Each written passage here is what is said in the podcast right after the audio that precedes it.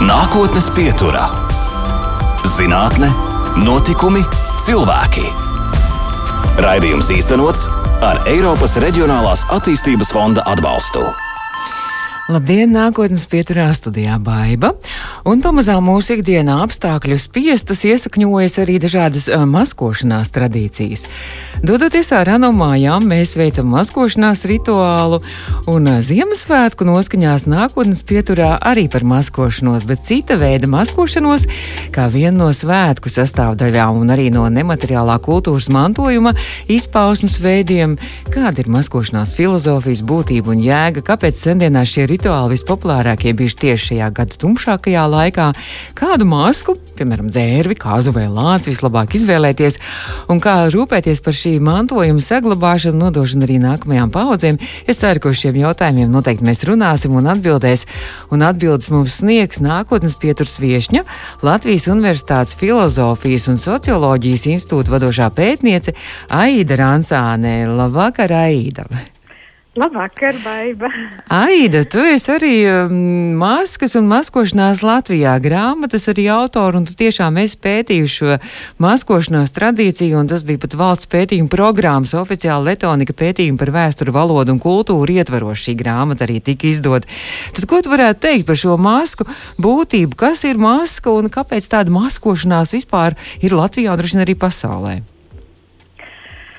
Nu, jā, tā vārds maska ir um, ar ļoti daudzām un, un plašām nozīmēm. Bet šajā gadījumā tas, ko es pētu un, un kas tradicionāli um, mums Latvijā ir bijis sastopams, tā ir um, maska kā tāds tēls, kā otrā seja kultūrā. Uh, kura ietver ne tikai vizuālo izskatu, bet arī uzvedību, eh, darbošanos, savu simbolisko nozīmi. Eh, līdz ar to jā, tāds, tāds plaš, plaša definīcija ir, ir šim vārdam. Un, jā, un, un pati maskošanās arī tāds fenomens, kas ir izplatīts pa visu pasauli un kas, ar ko mēs varam lepoties, ka mēs esam saglabājuši pat līdz šai dienai šādu tradīciju dzīvā veidā.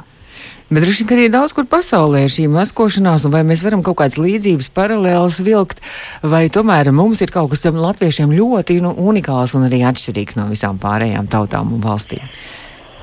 Jā, kā jau teicu, gan drīz uh, visā pasaulē mēs varam atrast uh, maskas un maskošanos, izņemot varbūt dažus reģionus, kur, kur lieto uh, krāsojumus vai, vai tetovējumus, un par tetovējumiem tad uh, strīdās, ka, ka tā laikam nebūs maskošanās.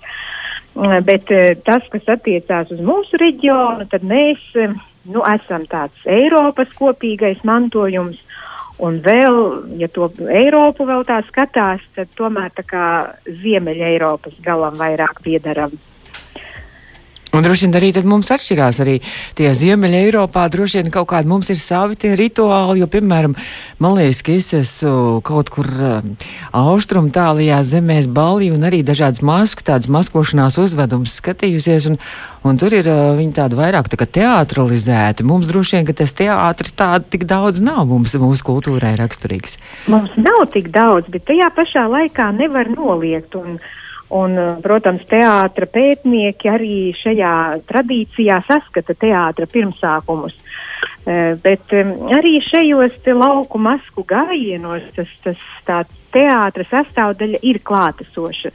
Tur dažādas mini izrādes tiek izrādītas. Tur, Vai nu tur kāzas tiek izspēlētas, vai, vai kādas, kāds nomirst, vai, vai kāds dzimst vai, vai tiek izrādīts kāds lopiņš, vai, vai mm, kaut kas tiek pārdots. Respektīvi, tā, tā komunikācija un sarunāšanās notiek, jo uh, maskošanās nav iedomājama bez smiešanās, bez jokiem, bez parodēšanas. Tas, tas kas vēlākos laikos Eiropā ir varbūt uh, karnevālu kultūrā saglabājies. Tas ir tā kā, arī tā kā izklaides elements arī varētu būt arī, jā? Ja? Eh, kāds lūdzu? Izklaides elements arī tā kā izklaides Jā, nolūkos. Arī. Izklaide tas ir uh, noteikti. Tas, kas uh, mani pievērsa masku pētniecībai, bija tieši tas, ka, nu, izklaide tas ir skaidrs. Mm -hmm. Bet kas tur ir vēl vairāk? Un, tā kā es studēju filozofiju maģistrantūrā, tad man tieši tādi nu, reliģiskie aspekti interesē. Paskatieties, kas stāv aiz šīs izklaides un tiem masku tēliem vēl kādi priekšstati, kādi senie priekšstati tur ir stāvējuši. Jo, kā zināms, tas, kas ir tikai izklaide, diez vai būtu caur gadu simtiem nu, tā saglabājies un, un atnācis mm -hmm. līdz mūsdienām. Un tad saki, kādi ir tie, jo es skatos arī, ka tu esi saņēmis, starp citu, arī folkloras gada balvu tieši nominācijā zinātniskā izpēta un materiālu dokumentēšana un publicēšana tieši ar šo savu darbu reliģiskie aspekti latviešu tradicionālo masku gājienos. Kas ir tie par reliģiskiem aspektiem, ja varētu mums pastāstīt? Nu, trijos vārdos. Mm, Vai arī četros? Jā, tas viss nāca roku rokā ar praktiskajām lietām, jo tajā laikā Latvijā nu, arī tā kā tika rīkoti šie masku festivāli, uh mhm. -huh. un um, cilvēki, folkloras kopu dalībnieki, nu, gatavojās viņiem. Jo, nu, labi, Latvijā, kurzemē, nu, tur dažviet, varbūt vidzemē, šur tur arī tā dzīvā tradīcija bija saglabājusies, bet jaunieši, kas gribēja kaut ko sākt no jauna, nu, viņiem vajadzēja arī kaut kādu tādu teorētisku pamatojumu tam visam.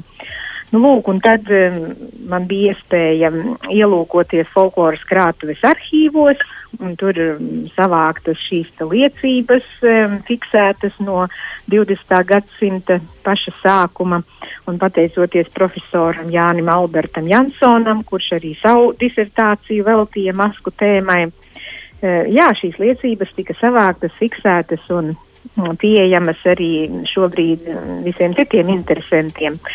Bet eh, jā, tas mans uzdevums bija sagatavot tādu teorētisko bāzi šai praktiskajai darbībai.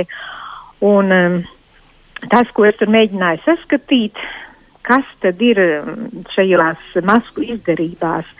Un pirmais, ko es varu teikt, tā ir nu, filozofiski tas būtu tāda laika un telpas atjaunošana. Respektīvi, caur šīm izrādēm, ša, caur šiem tēliem un darbībām cilvēks atgriežas tajā pirmsākumā, kad pasaule tika radīta, mm. kad, kad viņa vēl nebija duāla, kad abi dzimumi bija kā mm, vienā personā, tā saucamā androgīnija. Uh, jā, kad, kad uh, par to stāsta pasaules radīšanas mīti, jā, kur no hausa ir tapis kosmos, un, un maskas šo hausu ļoti labi izspēlē un rada, un, un tālāk nākošais moments ir šīs cīņas, cīkstēšanās, arī masku pasaulē notiek dažādas sadursmes. Un, mm. un spēle. arī mums, e, piedod, arī mums latviešiem, jo es zinu, ka tieši uz austrumu tautās tur ir tāda rītīgi masku cīņas. Arī mēs, no, latvieši, tādi ziemeļnieki būdam jā, ar savu vēsot epitni.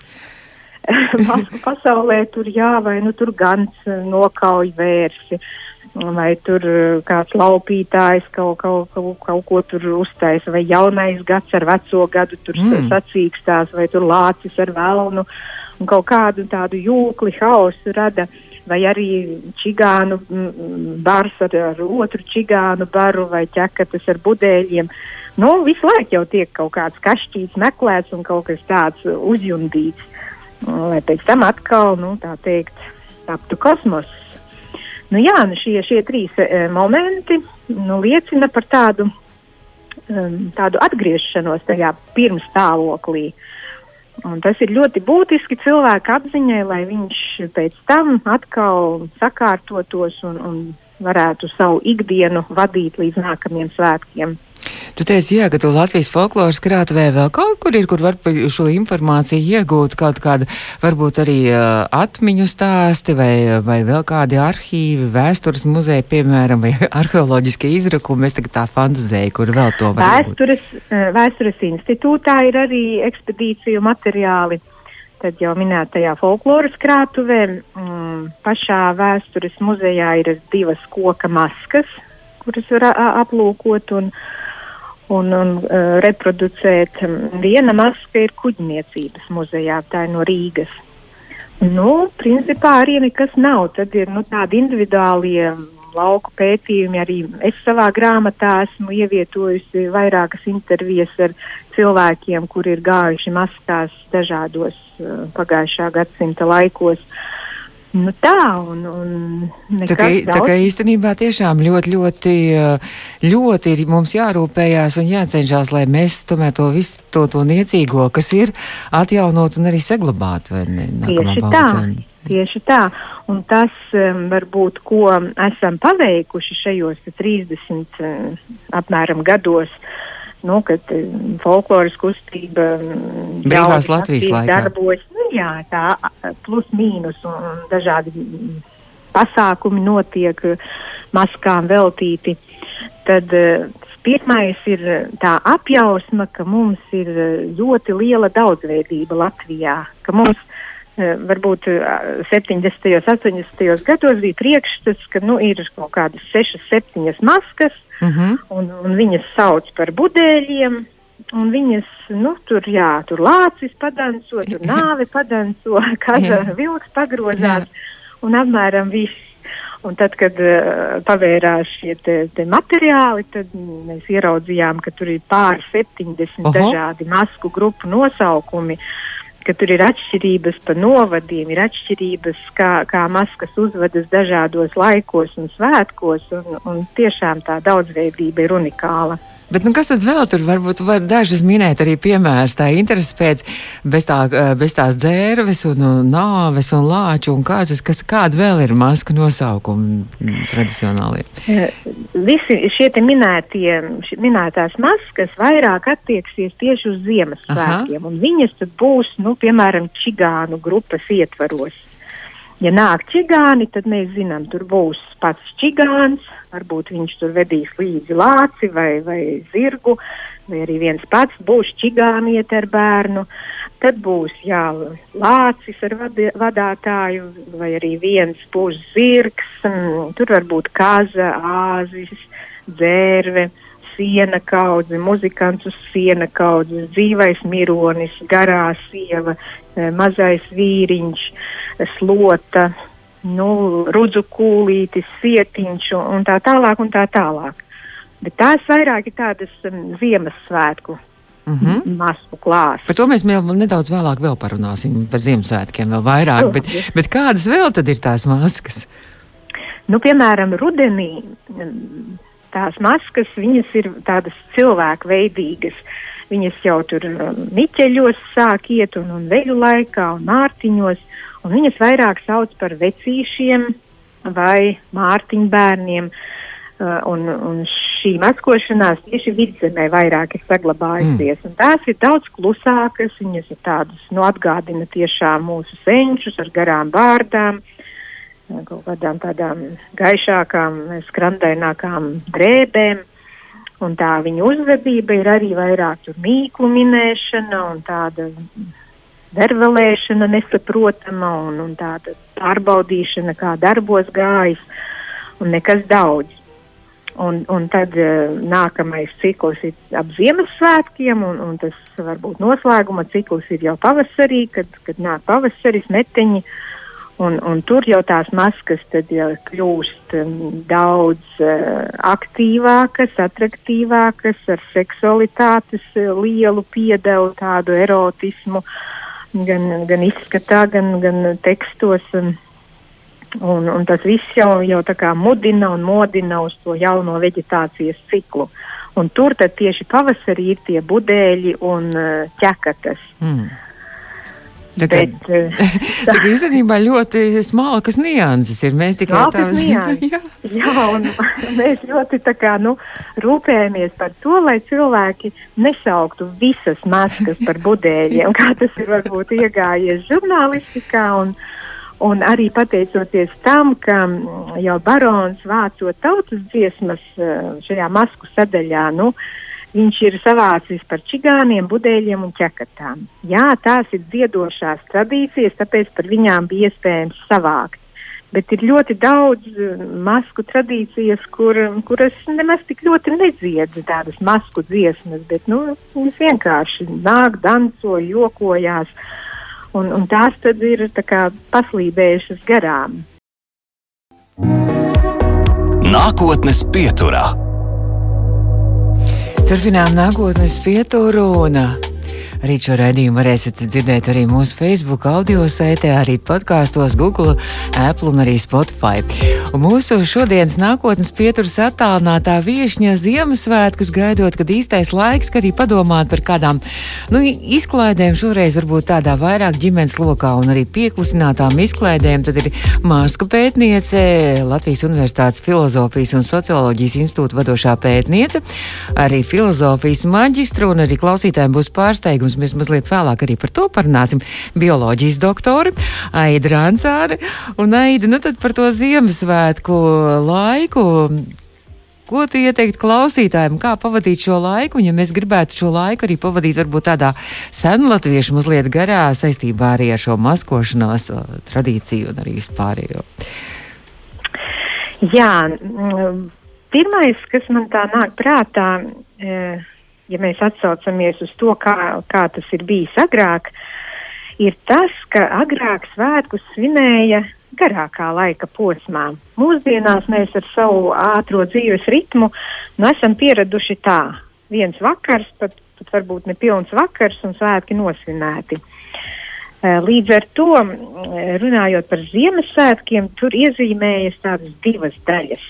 Ziemassvētki ir tāds kosmisks notikums, kad nu, saule atgriežas, dzimst no jauna.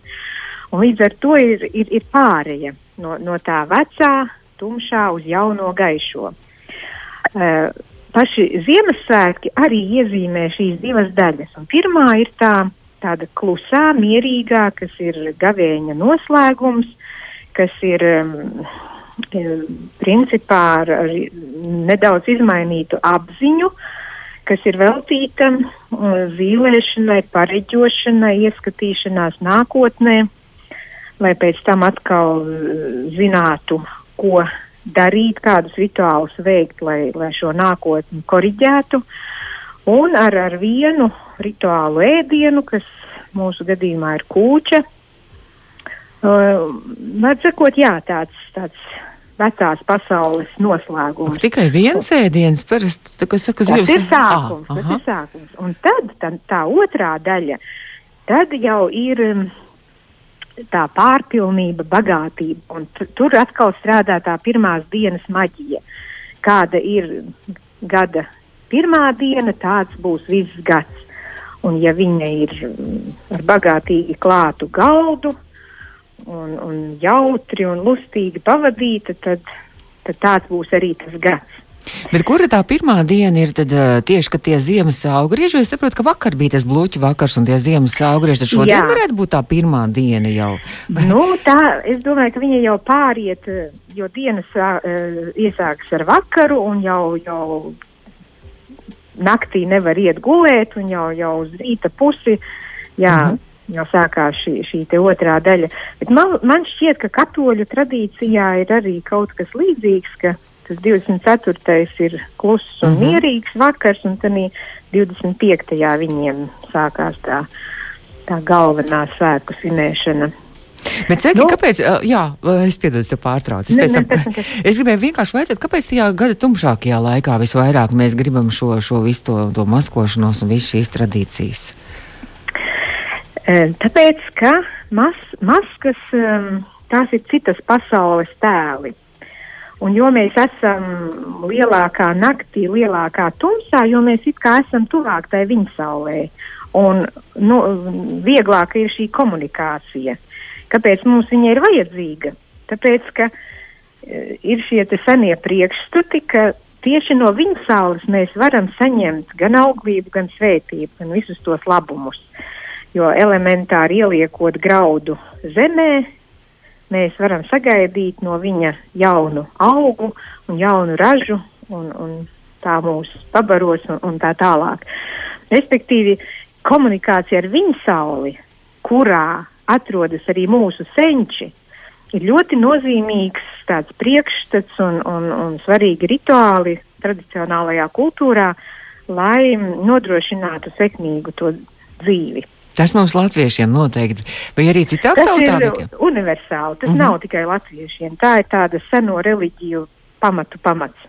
Un vai, vai arī citās valstīs, citās tautās ir tie Ziemassvētki tā ļoti, ļoti tiek atzīmēti un arī dažādi maskošanos un tām tradīcijām, vai, vai viņiem tomēr ir citi tie savi svētki un citi datumi? E, kas attiecās uz Skandināviju, tad, tad viņiem arī ir tieši Ziemassvētkos vairāk saglabājies e, šī tradīcija, bet um, Dienvidē Eiropā um, pat vairāk ir šīs pavasara sākuma nu, tas, kas pie mums mm -hmm. saucās meteņi, e, šīs tradīcijas, bet nu, ir arī, arī Ziemassvētki, jā, gan, gan. Ja mēs gribam arī tā senlatviešu tradīcijās tagad arī nosvinēt un arī kādā maskošanos un, un, un, un varbūt arī kādu sev veiksmi uh, novēlēt ar šīm maskām vai kaut kādu, teiksim, izdošanos, uh, ko tu ieteiktu? Kā mums būtu jārīkojās Ziemassvētkos? Varbūt, ka mēs varam arī tagad daudz brīvdienas un apkārt daudz nevar klejot uh, lielā sabiedrībā, tad mēs varam mājās varbūt kaut ko izdomāt tādu jauku šim Ziemassvētku laikam.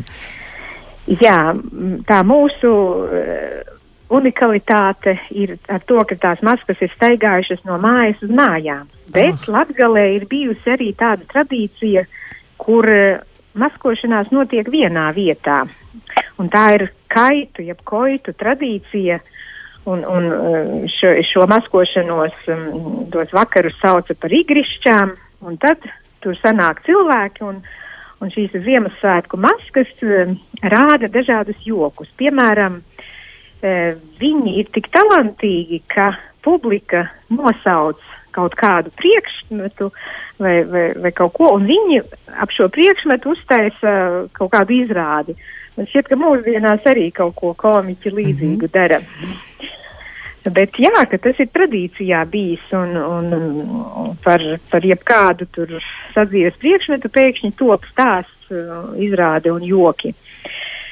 Tā kā mēs kaut ko tādu varam līdzīgi Ziemassvētku laikā mājās izmēģināt. Varbūt. Jā, daļa mājinieku var pēkšņi pazust, un, un tad uh, vai arī kā čigāni atnākt un izspēlēt, piemēram, kāzas kur vajadzīgs līgavainis un līgava, un parasti līgavaini spēlē kāda mm, maza sieviete, un tas tiek tēlots kā tāds uh -huh. vecs večuks, un, un līgava atkal ir pārģērbies puisis spēcīgs. Un tad nu, ir kāds muzikants, un tad ir kāzu dancis, un, un tas līgavainis uh, nokrīt, jo viņš ir vecs. Un tad viņu vajag kā, atdzīvināt, atkal tur kāds doktoris izpaužās ar uh, ar saviem jokiem un mēģina viņu visādi atdzīvināt. Un, Nu, visu kaut ko var izspēlēt. Tik var improvizāciju, fantāziju pieslēgt un jā, arī dažādas vai... idejas un, un, un uz drošas priekšu. Droši, jā, sižeti ir daudz. Nākotnes pieturā. Nākotnes pieturā šodien attālināti vieš, viesojas mums Latvijas Universitātes filozofijas un socioloģijas institūta vadošā pētniece Aida Rancāna. Un es jau minēju pirms brīža, Aida, ka tu īstenībā esi tavs pamat, pamat, pamat izglītība ir. Tu esi studējis bioloģijas fakultātē un tu esi bioloģijas doktora. Taisnība. Tā ir, jā. Un šobrīd arī mēs vēl varam piebilst arī to, ka tu šobrīd uh, esi pārvaicāja, un tu teici, ka jā, ka tā arī ir taisnība, ka tu strādā iekšlietu ministrijas poliklīnikā, tu esi laboratorijas vadītāja arī vēl saistībā jā, ar savu pamatprofesiju. tā kā faktiski visiem liekas, ka tu esi mūziķi un mūzikas pētniece, bet īstenībā, īstenībā, nu, arī tas ir nopietni, bet man liekas, bioloģijas doktora un uh, tava disertācija arī bija visai nopietna tēma. Vai tu vari pastāstīt mums? Jā, pēc uh, fakultātes beigšanas, mm, nu, uh, tas nemaz nebija tā tik viegli pēc tam nokļūt zinātnē. Mēs no kursa tikai, mm, man liekas, daži cilvēki mums palaimējās jā, atrast kaut kādas darba vietas, kur varējām kā, izpausties zinātnē. Un man tas bija mm, eksperimentālās un klīniskās medicīnas institūts. Un es tur nokļuvu morfoloģijas laboratorijā, un tā, tas mans darbs un pētniecība saistījās ar, ar eksperimentālo onkoloģiju. Jā, mēs uh, skatījāmies, um, pētījām dažādas uh, vielas, zāles, nu, kas būtu derīgas vēža ārstniecībā. Kas joprojām ir ļoti aktuāli un joprojām. Tas, jā, joprojām. Būtiski, jā. Un, Jā, un uh, mikrobioloģijas institūtā tika ražots tāds preparāts. Um, tagad viņam nosaukums ir larifāns.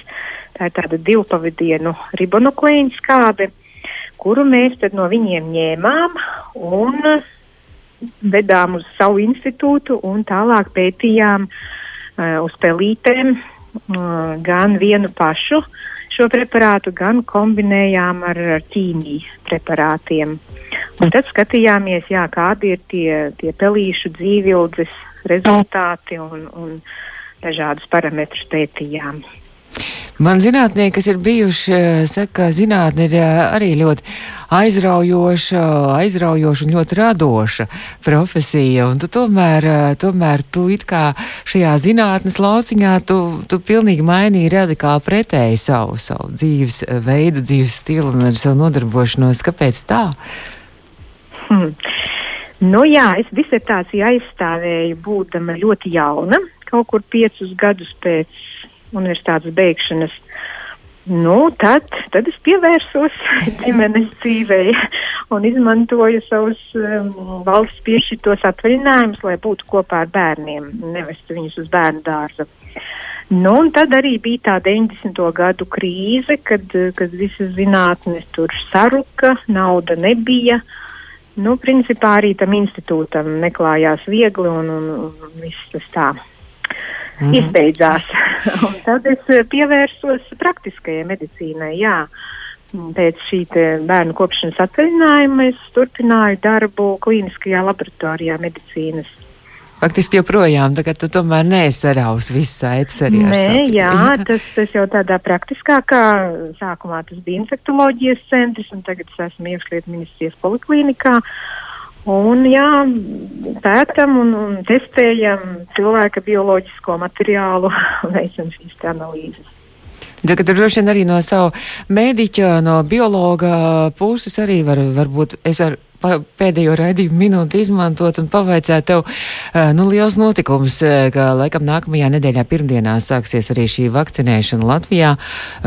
Kāds ir tavs viedoklis par šo vakcinēšanos? Vai mums tas ir vajadzīgs un vai, vai, vai tas nav kaut kas kaitīgs? Un, Ko tu ieteiktu darīt mūsu klausītājiem? Es varu vienkārši kā cilvēks komentēt, jo es neesmu speciāli iedzinājusies. Es domāju, ka jāiet laikam līdzi Un um, katram pašam ir jāizvērtē, cik uh, viņš ir, um, nu, cik viņš ir izturīgs vai, vai cik viņam ir bīstami saslimt ar šo vīrusu un, un izmantot šo iespēju. Tas ir ļoti labi, ka, ka tehnoloģijas un, un medicīna un, un viss attīstās. Un es domāju, ka nebūs viennozīmīgas atbildes medicīnā vispār. Tagad jau ļoti modē, ka pacients pats piedalās uh, savā ārstēšanā un, un dažādu lēmumu pieņemšanā. Tāpēc nu, es domāju, ka katram ir jābūt atbildīgam un, un jāizvērtē. Un noteikti nav jāpakļaujās visādām sazvērestības teorijām, bet ar skaidru prātu ir jāskatās un jāizmanto iespējas. Es saku tev paldies, paldies, ka tu atvēlēji laiku šodien nākotnes pieturai. Tad rīt ir tas Ziemassvētku vakars. Ko tu varētu vēlēt mūsu klausītājiem vēl noslēgumā? Es gribu novēlēt būt mierīgiem, nepanikot, nestresot, neielaist sevī nekādas bailes un izmantot šo laiku, kas dabā ir ļoti radošs laiks, savu nākotnes ieceru apjaušanai un arī tālāk īstenošanai. Es saku lielu, lielu paldies un lai jauka Ziemassvētka tev, tavai ģimenei un arī visiem, visiem Latvijā. Mūsu viešņa šodien bija nākotnes pieturas viešņā Latvijas Universitātes filozofijas un socioloģijas institūta vadošā pētniece, arī bioloģijas doktora Aida Rancāne.